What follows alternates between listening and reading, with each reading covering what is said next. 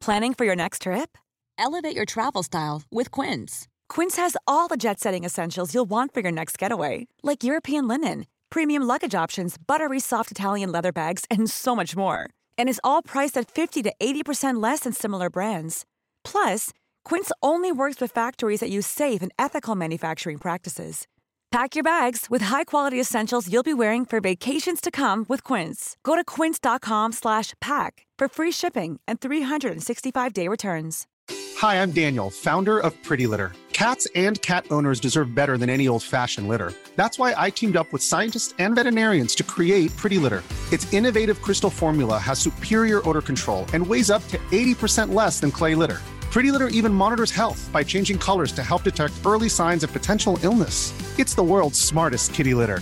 Go to prettylitter.com and use code ACAST for 20% off your first order and a free cat toy. Terms and conditions apply. See site for details.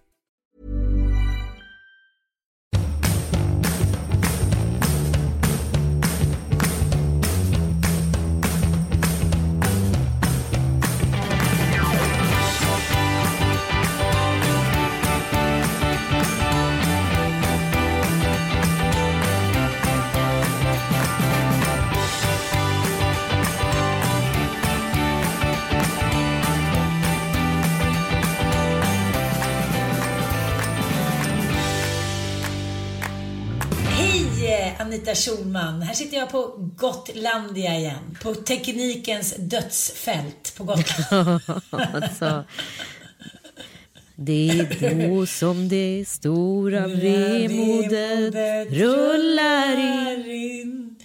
Den, den är fin den sången tycker jag. Jag älskar den, Vintersaga. Den, den är kanske lite talande för vad den här podden kommer att handla om. Det Mm. stora vemodet. Är det det som har rullat in? Jag får vemod varje gång du är på Gotland för då vet jag att nu kommer en teknisk katastrof vara nära.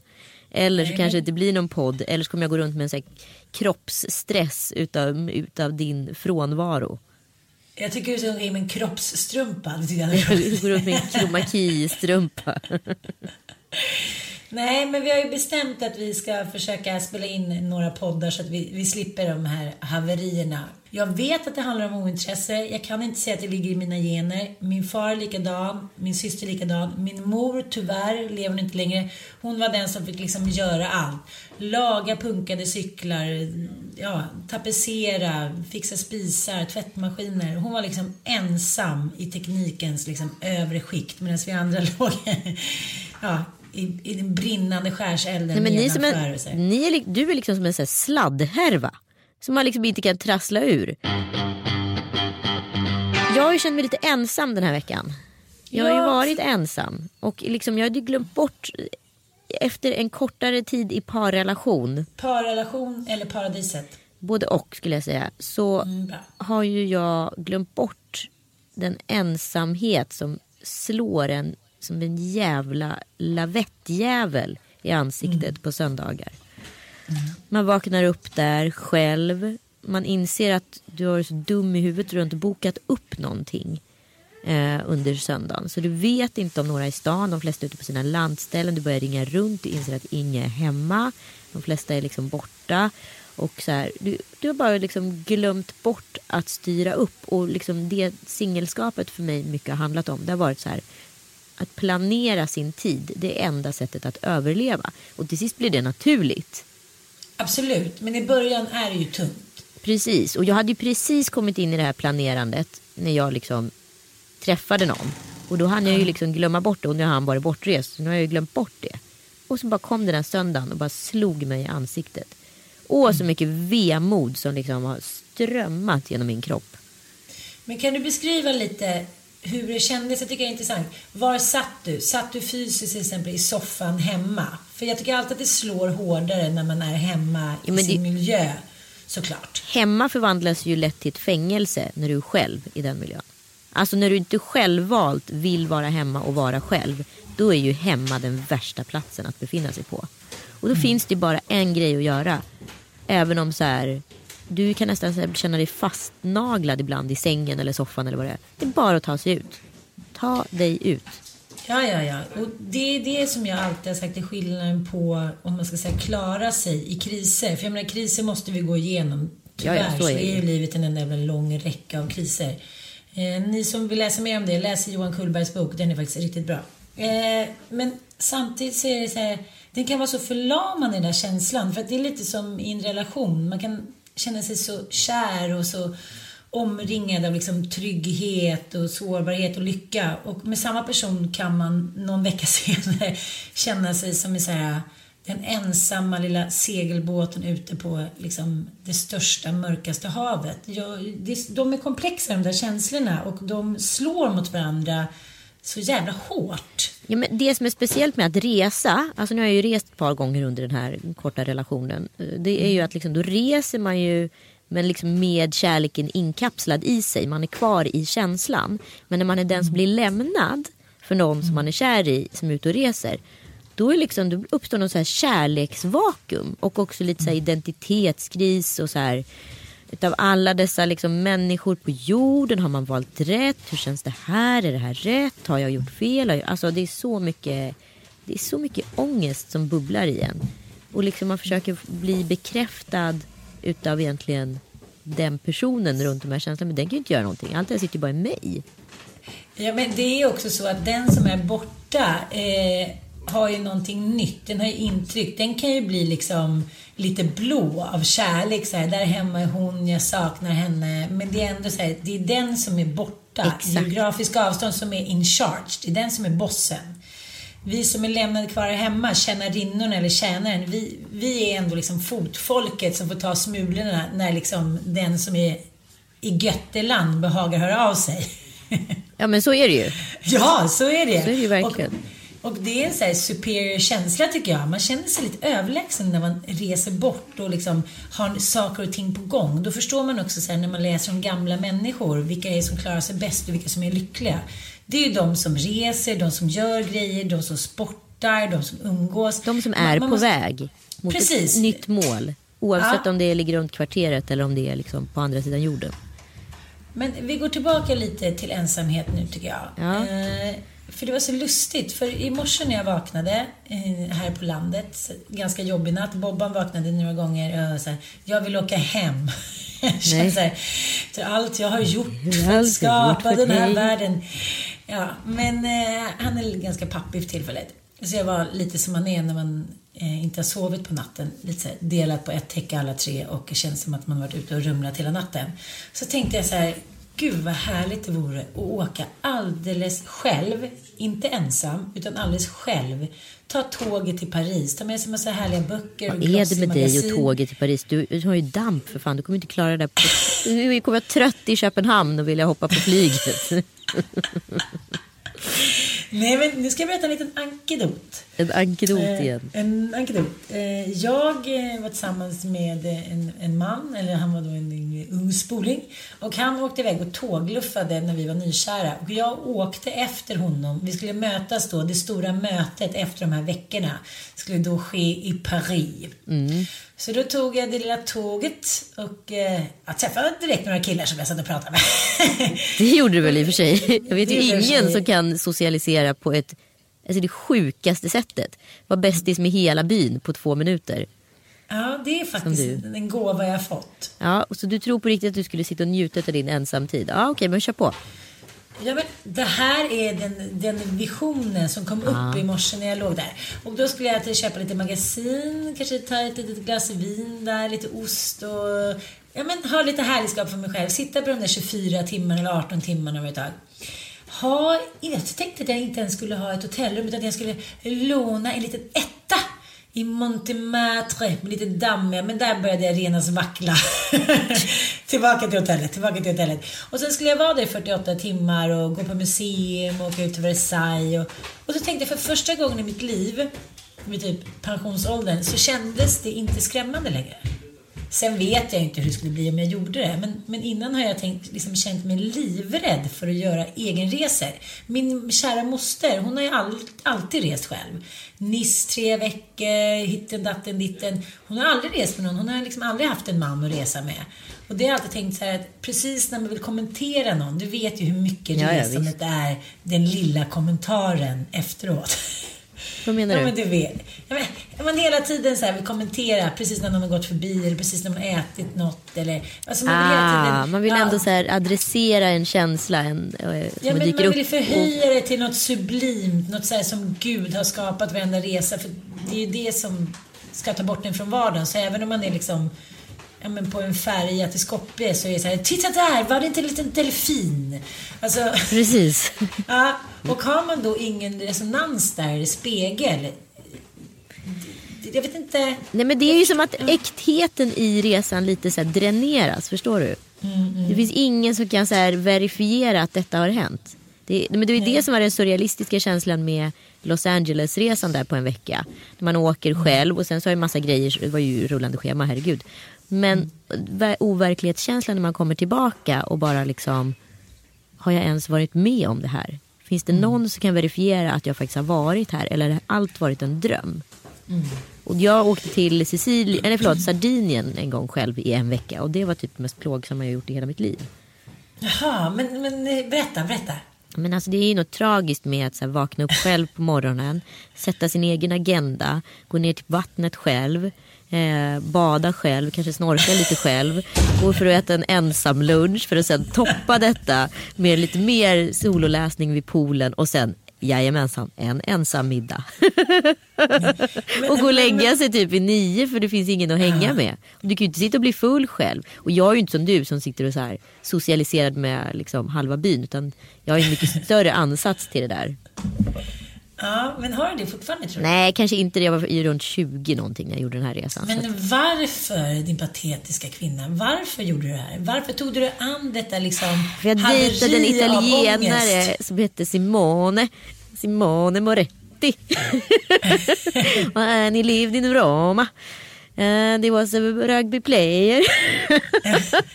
Han dumpade dig direkt? Nej, vi skulle ses på Sardinien.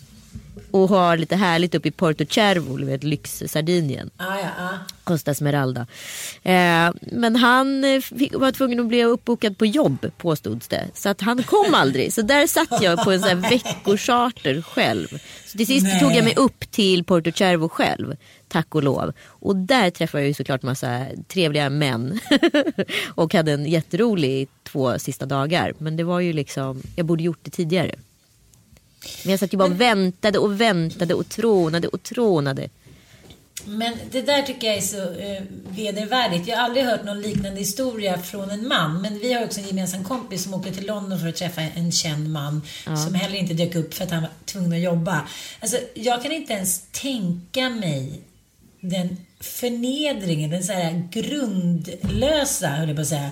Eh, ursprungslösa, ska jag också säga. Nej, men jag kan inte förstå, hur kändes det? Sitta där och vara 20 år gammal, då är allting så mycket mer bottenlöst också. Nu skulle man vara lite så här, ja whatever, jag ringer Anita, hon får hoppa på första planet så dricker vi champagne och så unnar oss typ en Och sen är det bra.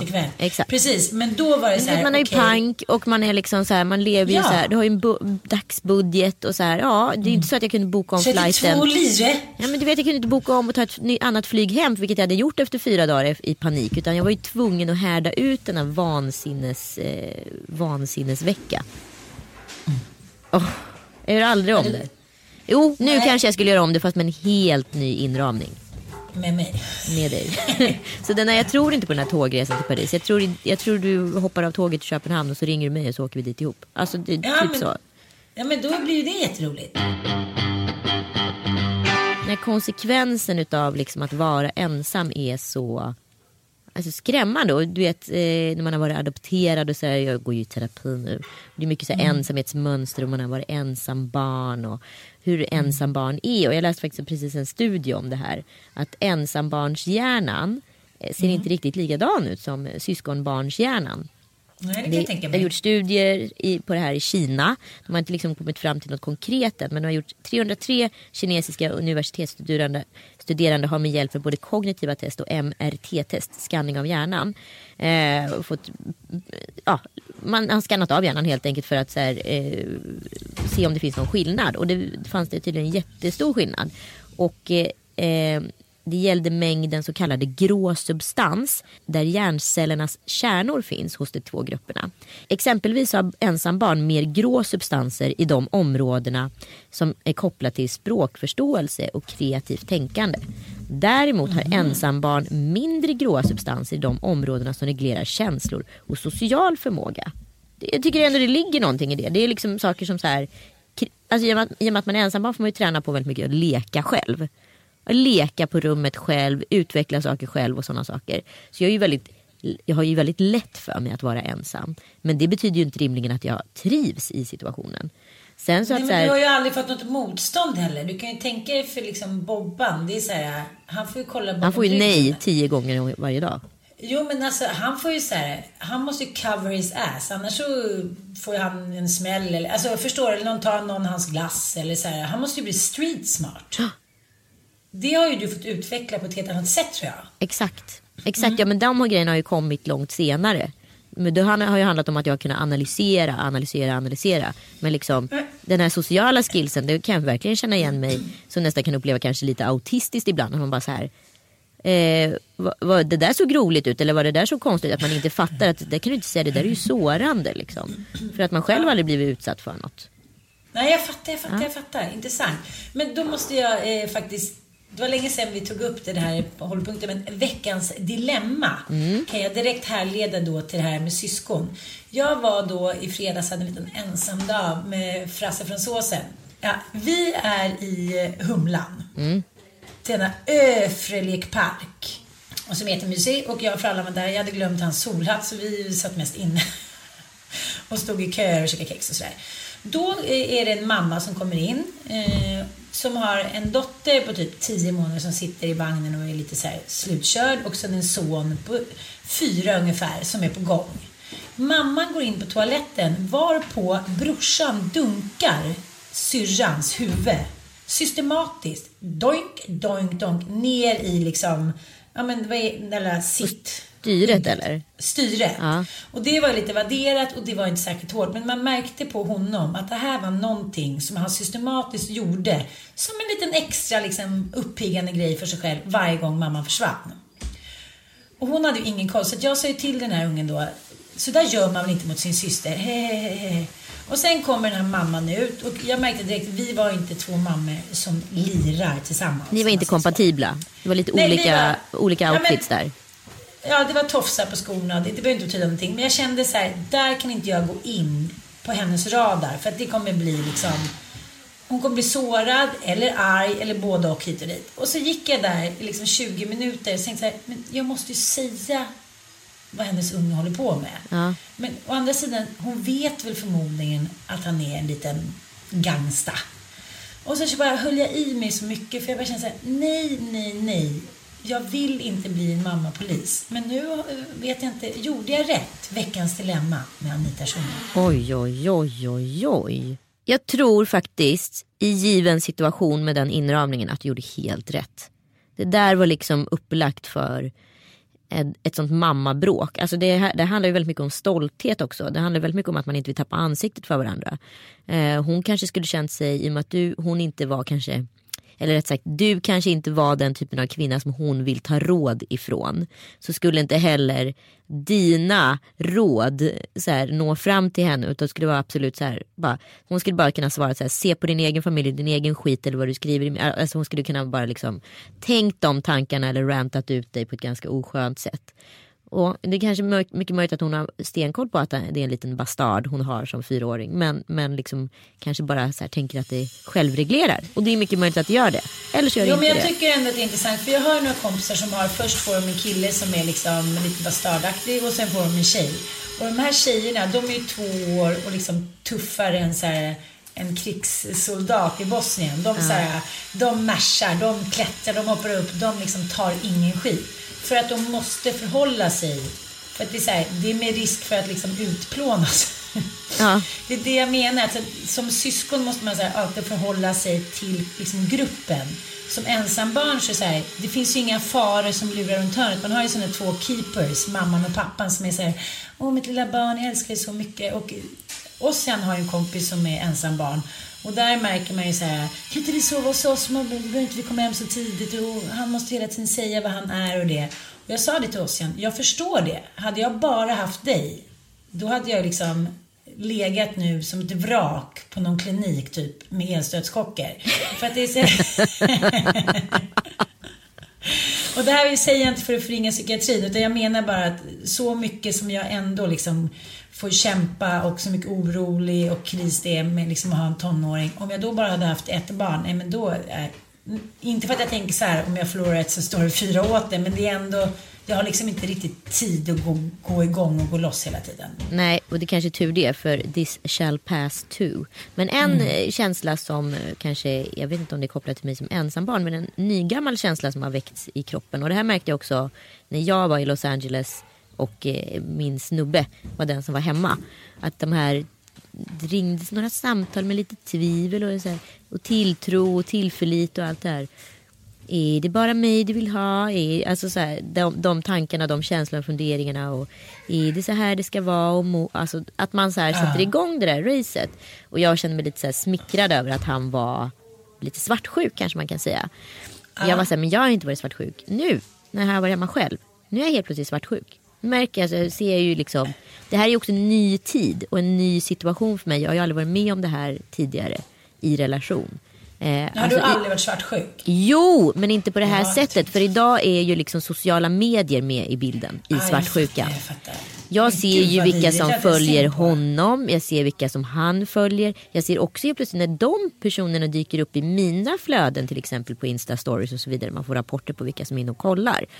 Och då tänker jag så här, ha, är en like är lika med ett ligg? Eller är en like lika med en like? Det vet man ju inte. Du har inga mer i här, trekuksteorier? En liten dubbellike? Nej men förstår du ska, det skadade ja, i att va, ha liksom en potentiell, liksom, är det här vänner? Är det här liksom något annat? Varför är den här personen, man har ingen aning. Alltså, och det är så läskigt. Och det är ju också märkligt att behöva känna svartsjuka. När jag var ung kände jag ofta svartsjuka för jag var så här ung och otrygg och osäker i relation till min lite kanske äldre kille. Nu är jag ju äldre än min kille. Och då känner jag mig helt plötsligt otrygg och osäker för att vara äldre än min kille. För att det finns ju massa tjejer som är råheta i hans ålder. Jag vet, men det här är ju det glappet som sker när liksom könsroller slutar vara cementerade. När vi ja. kommer in till en ny tid. Liksom, det kommer ju vara skakigt i början. Om tio år kanske du känner så här, nej men gud, det har jag inte ens reflekterat över. Lex män. Alltså, de reflekterar ju inte ens. Alltså, förstår du vad jag menar? De är så här, ah, min tjej är 23 år yngre. Så här, Jaha, fråga på det. Alltså, förstår du vad jag menar? Nej men och jag grejen tror... är så här, det är så intressant där för att jag tänkte på det här om dagen bara för att Schyffert är ihop med Nor och han är väl 20 år äldre än henne? Ja, räcker det? Ja, men ja, jag hon tror... är 29. Ja, men typ, ja, men typ 20, 20 år ja, ja. Och det är väl aldrig någon som har liksom tänkt tanken om att så här, Schyffert och Nor har valt varandra. Eh, för att han vill ha en toy girl. Alltså hon är ju så långt ifrån en toy mm. som man kan komma. Men ja. bara för att en... Hon är ändå 20 år yngre. Ja, men bara för att jag eventuellt har valt en kille som är ja, runt 10 år yngre. Då kommer ju det vara det enda pressen skriver att jag har ja. valt en toyboy. Alltså, och det är så jävla oförtjänt. Ja, och grisigt. Det är sånt som vi står över. Jag vet det, men mm. jag blir ändå provocerad innan. För att jag vet att det här dilemmat kommer komma.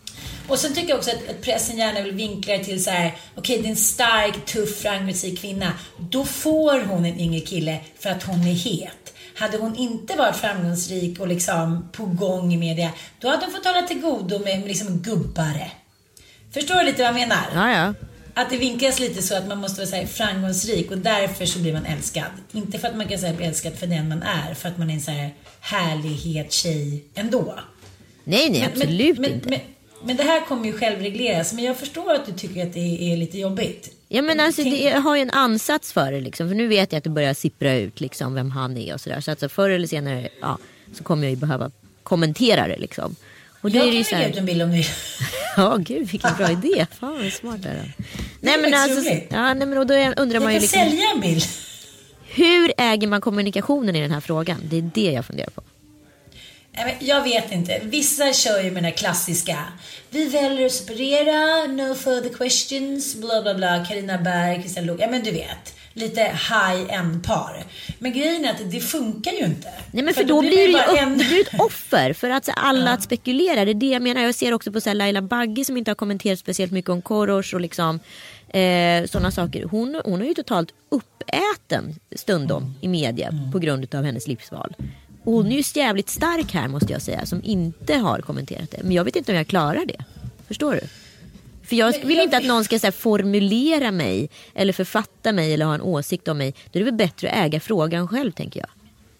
Jag tycker också att det är väldigt mycket bättre. Jag tycker bara att det är trist att man ska, måste förhålla sig till, att det inte kan vara självreglerande, utan man måste förhålla sig till som kvinna som skaffar yngre man att det är det som blir det intressanta. Inte hur man träffades eller om man liksom har det bra eller om man är lika eller sånt som man annars skriver om. Utan det är så här, hon träff sensationellt, hon är upprörande förälskad i tio år, mer än tio år yngre man.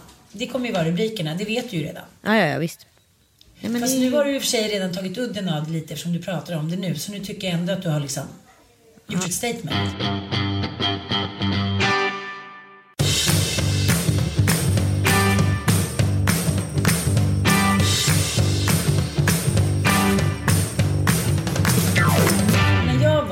25 träffade jag en kille som var 22. Mm. Och det tyckte jag var skitjobbigt. Är det sant? Ja, jag kommer ihåg att jag så här, gick och köpte en jättefet foundation. jag såg så gammal Vi var på semester med, med, med Filip Hammar som var då tillsammans med min bästa kompis Åsa. Och så var det jag och den här killen då. Daniel som han hette. Och jag kommer ihåg att jag, så här, jag tänkte, gud han är så ung. Han skäms nog över att han har en sån gammal tjej. Fy fan vad roligt. Nej, men så jävla roligt. Men, men dels har det hänt mycket sen dess. Det här är ju typ 20 år sedan. Men dels just den här känslan som du också pratar om lite nu. Hur allting liksom ligger i den inre känslan. När jag tittar mig i spegeln nu så tycker jag ju då att jag ser yngre ut än vad jag kände att jag var då. Förstår du vad jag ja, menar? exakt. Ja, men det handlade också mycket om att han gärna ville trycka till lite. Ja, jag fattar. Inte bekräfta mig utan så här, ja men pika om allt från liksom, ja men kropp till bla bla bla. Så att han hamnade i, eller jag hamnade i en icke trygg zon. Vilket gjorde att jag var tvungen att liksom hitta, inte hitta fel, men jag var tvungen att skydda mig själv. Vilket man faktiskt kan göra med smink om vi ska vara helt ärliga. Ja, eh, gud. Men, men jag kommer ihåg att jag stod på det tattiga vandrarhemmet och så här, tidigt på morgonen och höll på med min foundation. Och nu är det liksom pris i medaljongen om jag ens liksom tar mascara. Så det handlar så otroligt mycket om att man måste så här, skapa sin egen plattform. Och eh, eftersom det snart är sommar och jag bor väldigt nära Fårö så vet du vad som har infunnit sig. Jag har blivit Ja, nu är det dags besatt av Bergman igen. Ja. men, alltså, jag, blir, jag blir galen på det här. På, e- på ett sätt. Jo, för att så här, förtjänar han den besattheten? Förtjänar han det? Varför är han så upphöjd? Jävla gubbstrutt säger jag. Nej, men det är inte honom. Det är inte honom Nej. jag är besatt av. Jag har insett att han var ju eh, ett klassiskt kufiskt geni som så här, hade en stark ovilja till förändring. Därav att han alltid hade den där skinnjackan tills han typ trillade av pinn. Jag eh, känner mig besläktad med den typen av man som jag har... jag gör det. Jag har levt med den typen av man i många år. Så man ibland är så mm. man blir galen. Man bara, okej, okay, hur tänkte du nu? Men man vet att det spelar ingen roll. Man så ligger på golvet och sliter sitt hår och säger så här, jag gör vad som helst. Så här, I, eh, whatever, varje dag resten av mitt liv. Det spelar ingen roll. Bergman skulle liksom aldrig byta ut den här skinnjackan. Och det handlar om att det är män som inte vill växa upp. Det är min tolkning. Mm. Deras liksom obenägenhet till förändring handlar om att om man förändrar sig, då måste man ta ansvar och växa upp. Och det är väldigt många män som inte alls tycker det är kul. Men det pratar vi jätteofta om, den här ansvarsbristen hos män. Jo, men jag tycker att det är väldigt, väldigt roligt. För att när jag läser om dem, hans, eh, en av hans fruar, eh, den världskända pianisten Käbi, Kevi, Kevi, mm. Leberete. Ja. Eh, då berättar hon att hon har så längtat efter honom när han varit på teatern eller hon varit bortrest och sådär. Hon har längtat så mycket mm. efter honom. Och eh, hon liksom kommer springande mot honom på teatern. Och så kommer han i den där gamla inpyrda, äckliga skinnjackan som hon liksom till slut börjar hata. Och då blir det liksom att då så här, det blir en kindpuss på avstånd ungefär. Men jag har ju en kompis eh, vars man har en riktigt dålig andedräkt. Det kan man ju ha ibland lite från och till om man är trött eller dricker för mycket kaffe. Det, liksom, det får man ju bara låta passera. Men om någon har det 24 timmar per dygn som man dessutom sover med, ska ligga med och ska kyssa med Tungilungi. Nej, men det går ju men inte. Det, är säkert. Det går ju Så inte. att hon, eh, det var ju känsligt såklart. Lika så som att Ja. någon luktar svett. Det sker ju nästan inte längre. Det är någonting som man kommer ihåg från så skolan. Den har ju, den har ju dött Den har självreglerat sig själv. Alltså förstår Ja. du, med deodoranter och parfymer, vilket är tack gode gud. Liksom. Så sker det ibland kan jag nästan vara lite såhär, hejsan hoppsan, den gamla Oj. goda tiden är tillbaka. Vi är fortfarande människor. Vi är inte syborgare, vi är inte syborgare. vi, inte, vi bor fortfarande i Kalle, Kalle Anka och Knatteborg, Ankeborg. Nej, men då så eh, gjorde hon, då ställde hon fram eh, tandtråd, tandborste med tandkräm på och lite fluorvatten varje kväll. Lite såhär, okej, en tyst överenskommelse. Jag vet och du vet, men vi låtsas inte om det. Det är väl okej? Men funkar det då? Ja, ja, det funkar. Ja, spännande.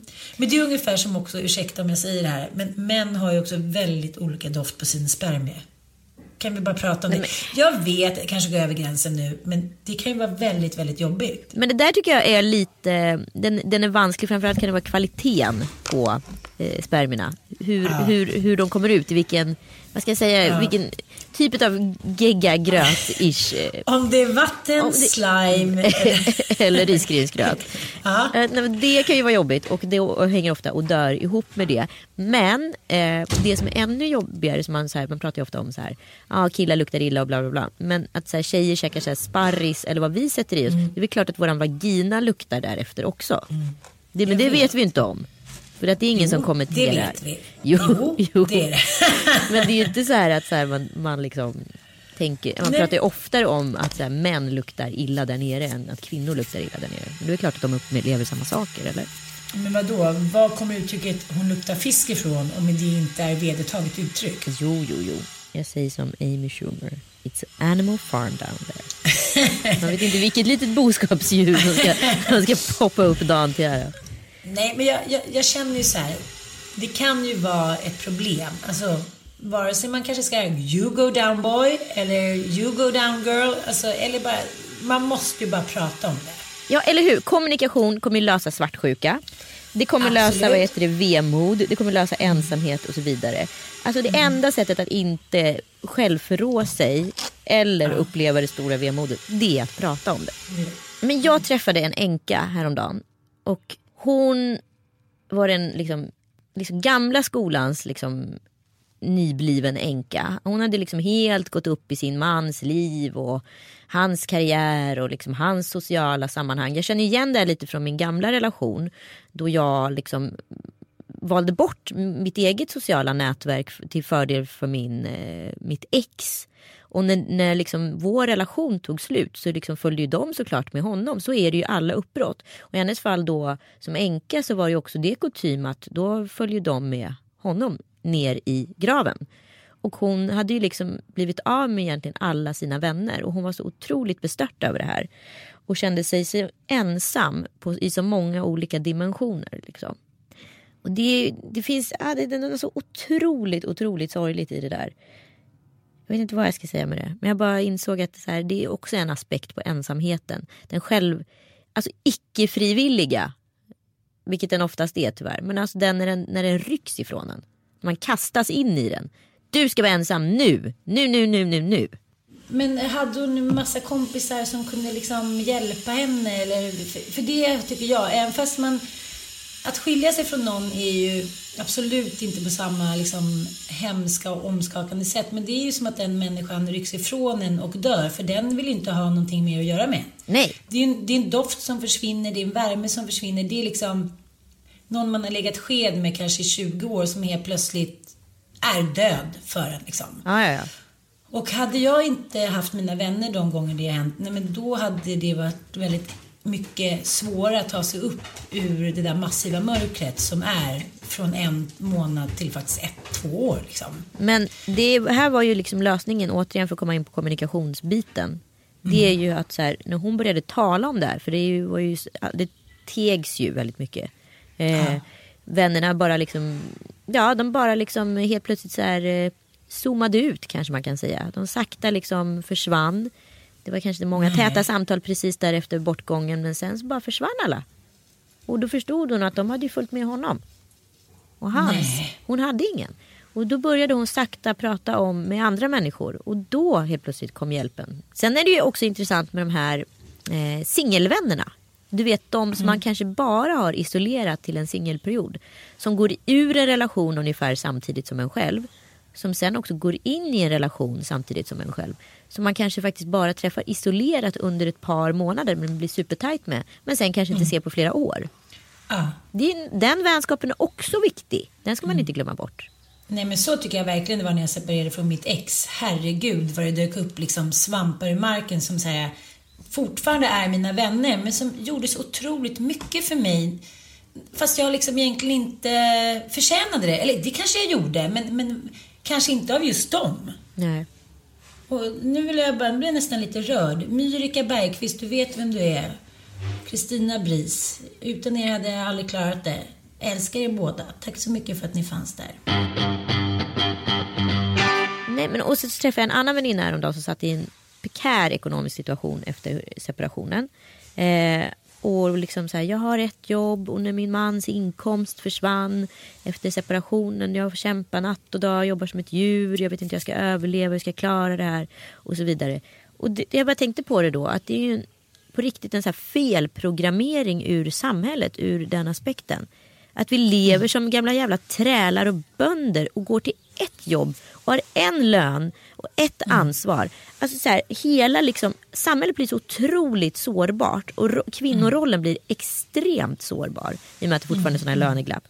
När, vad heter det, för mångas ekonomi är ju byggd på, många har byggt upp en struktur runt omkring sig baserad på att det är två inkomster som ska hantera det här skeppet. Liksom. Och sen är den ena, när helt plötsligt liksom den ena halvan drar, som också råkar vara den ekonomiskt starka halvan, då finns det liksom ingenting kvar att uh, sköta ruljansen för liksom fartyget. Och det är liksom, allt handlar ju om att här, sprida riskerna, att ha flera inkomstben. Ja, men starta en jävla webbshop då och sälj något annat. Så liksom så här, olika sätt. Hon hade ju börjat nu, liksom, man tvingas ju in i entreprenöriella situationer Ja, gud ja. för att överleva. Alla kan bli entreprenörer, men det är ju bara att se men tillbaka till historien. Så här, varför försvann halva landet till Amerikat liksom? De var tvungna att bli entreprenörer på andra sidan jordklotet för att de kunde inte överleva här. Alltså människan gör vad människan måste, så är det ju. Ja, man måste, man måste, men det är det som är så knäppt att så här, ja, och då blir folk helt låsta och cementerade i sin roll som så här anställd och så vidare. Så pratar också om så här gruppdynamik och alltså jag har ju känt mig oerhört så stark och fri sen jag gick liksom själv och gjorde eget bolag och liksom få välja de personerna som jag vill jobba med i mina team som jag känner mig bekväm med och så vidare. Alltså människor i grupp på ett bolag är många gånger väldigt mycket mer ineffektiva än vad man är själv. Du springer fortare, du kommer fortare fram, fortare fram till liksom målet. Du kommer fort, fortare upp till liksom ledningsnivå och kommer man upp på ledningsnivå då får man också snabbare beslutsfattning. Eh, liksom. Sitter du i en organisation med tio steg upp till chefen, det kan ju ta flera månader att komma fram till samma resultat som jag eller någon annan innovatör, entreprenör eh, som frilans kan göra. Liksom. Ja men gud ja. Men så jag har glömt bort hur det var att vara anställd. Och jag menar inte att det är något fel. Nu känner jag lite så här, gud vad härligt det vore att vara anställd så här, ett halvår och få ta del av det. Gå till samma ställe varje dag och försöka lunch med någon utan att behöva bestämma någonting. Det finns någonting fint i det också och många åtrår det väldigt mycket. Men just när folk frågar mig så här, men gud hur kan du vara så kreativ? Så är det så här att, precis som du säger, jag vågar inte stå kvar med liksom eller jag vågar inte ha alla äggen i samma korg för att säga If I stand alone, det är fortfarande de här fem liksom hungriga pojkarna som ska ha mat och åka på kollo och eh, ha kläder och hit och dit. Så här, det handlar mer om en överlevnadsinstinkt. Alltså så här, förstår du? Samtidigt, och då gör man ju roliga grejer på vägen. Inte för att jag känner så här piskan viner, men, men det är lika bra att utnyttja då sitt entreprenörskap och ha många ben i olika foller. Liksom. Det tror jag är superviktigt. Ja, men och som jag jobbar, jag jobbar ju på ett, vad ska man kalla det för, modern typ av arbetsplats, ett kontorshotell. Där, eh, där vi sitter flera olika bolag, kanske sitter upp till tio bolag och eh, många är besläktade branscher och det blir mycket co-business över borden och sådana där saker. Mm. Eh, och då är det jättekul, då har man ju lunchsällskap ändå varje dag om man vill. Så, det, Ja, ja, så att man absolut, behöver inte vara absolut. rädd för att gå själv. Så, så här, ensam kanske inte bara är tragisk, ensam kanske faktiskt är stark också. Ja, men, ja, ja. Men, men, men sen finns det ju ett- ställe i helvetet för människor som inte finns där för andra människor i kris. Men just på arbetet så håller jag med om att det kan, man kan finna styrka i att inte alltid ha gruppen i ryggen. Liksom. Exakt. Gruppen kan skapa mer ängslan än vad ett ensamt beslut Mm. kan göra. Verkligen. Nu eh, måste jag snart eh, gå och fixa mat till vi är jag, fem personer från eh, Jolly Room här. Jaha, vad kul. Ja, vi har ett litet samarbete här och eh, även eh, tre stycken snickare. Och jag tänkte att eh, alla ska väl ha mat. Det blir varmkorv för hela slanten. Nej, det blir faktiskt tortellini. Skojade bara. Men du, Eh, grattis men- förresten. Jag har hört att ni har firat fyra år. Ja. Hur känns det? Nej, men det var så lustigt för vi var ju på den här eh, faktiskt väldigt festliga och härliga och storartade festen i fredags. Där jag också råkade vara. Ja men det var så härligt, det var liksom så perfekt. Du vet när barnvakten sa att hon kunde, jag var såhär ja! Det var så här 27 grader första sommarkvällen. Den utsikten som var uppe på den där takterrassen, men skjut mig. men var det är typ snyggaste jag sett. i stan. Ja. Vi kommer upp där, när Noomi Rapace var där. Ja men vi blev ju lite starstruck. Det måste du säga. Ja, men det var ju roligt. Jag sprang runt och smygfotade kändisar. Det är inte så ofta man Mm. Jag gör. såg det. Var roligt. Jag kände inte igen henne. Vad hade hon för konstig frisyr? Hon var väl jättesnygg tycker jag. Jävligt Jo men jag kände inte igen. Ja men hon kör med blont nu alltså. Mm, she's blondie. Men det är väl det som är lyxigt med att vara skådis. Tänk att de bara så här. Du ska vara blond imorgon för du ska göra en roll som är blond. Men det som var att eh, jag var ju där lite före Mattias för han eh, kom från en golffest, vill jag på att säga, någon eh, golfrunda. Och sen så var det så länge sedan han och jag var ute och gjorde någonting tillsammans, liksom utan barn eller utan att det var pliktskyldigt eller någonting. Så att jag var typ lite irriterad på honom. Precis som man är när man är nykär, vet. Man är såhär, men då ska han komma hit nu? Jaha, men han känner ju ingen typ. Stod och pratade med Klara och såhär, ja, ja, hej, Klara typ. Herngren. Ja, men förstår du vad jag menar? Precis Ja, som ja, du kan ja, säga, här, kan man säga till om någonting med klädseln lite dit så vill jag säga, men vad är han här? Nu är jag i min liksom sfär och nu kommer den där killen som jag precis har träffat. Alltså, jag fick samma känsla som precis när vi träffades. Ja. Det var spännande i alla fall. Men, men sen försvann ju den känslan och eh, men det var jättehärligt och eh, det har varit väldigt så här, eh, fint hela helgen om man säger så. Men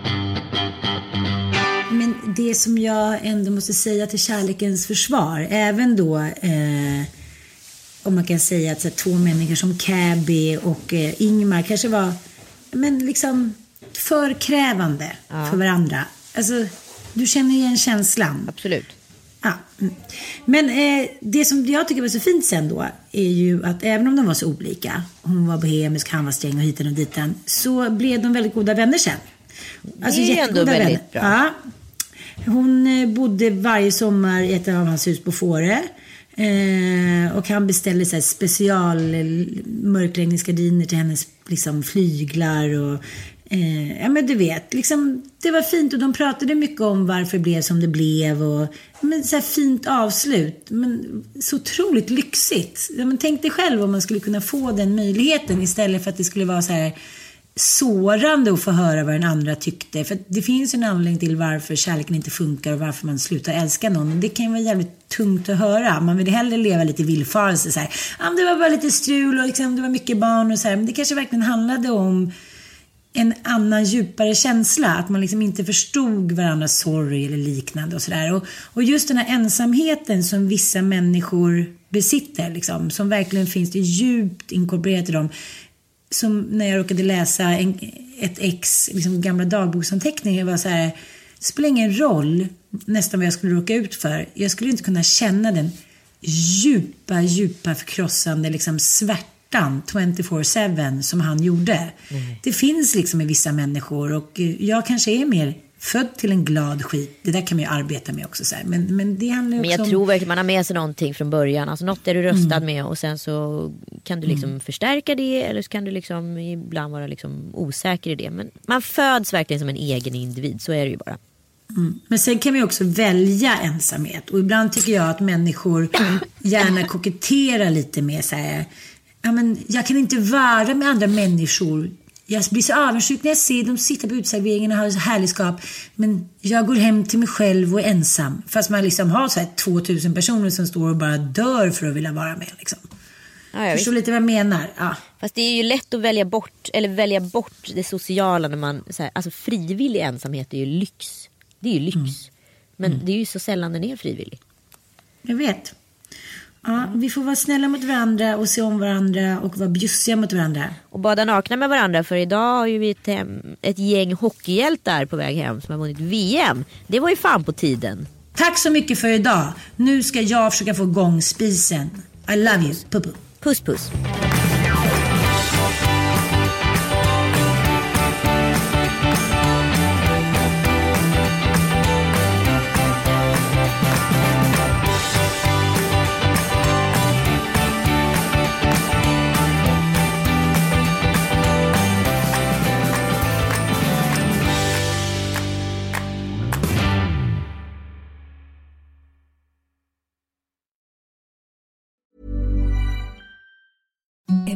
the softest sheets you've ever felt. Now imagine them getting even softer over time. That's what you'll feel with Bowl and Branch's organic cotton sheets. In a recent customer survey, 96% replied that Bowl and Branch sheets get softer with every wash. Start getting your best night's sleep in these sheets that get softer and softer for years to come. Try their sheets with a 30-night guarantee. Plus, get 15% off your first order at bowlandbranch.com. Code BUTTERY. Exclusions apply. See site for details. Hi, I'm Daniel, founder of Pretty Litter. Did you know cats tend to hide symptoms of sickness and pain? I learned this the hard way after losing my cat, Gingy. So I created Pretty Litter, a health monitoring litter that helps detect early signs of illness by changing colors, saving you money and potentially your cat's life. Pretty Litter is veterinarian developed, and it's the easiest way to keep tabs on your fur baby's health right at home. Go to prettylitter.com and use code ACAST for 20% off your first order and a free cat toy. Terms and conditions apply. See site for details.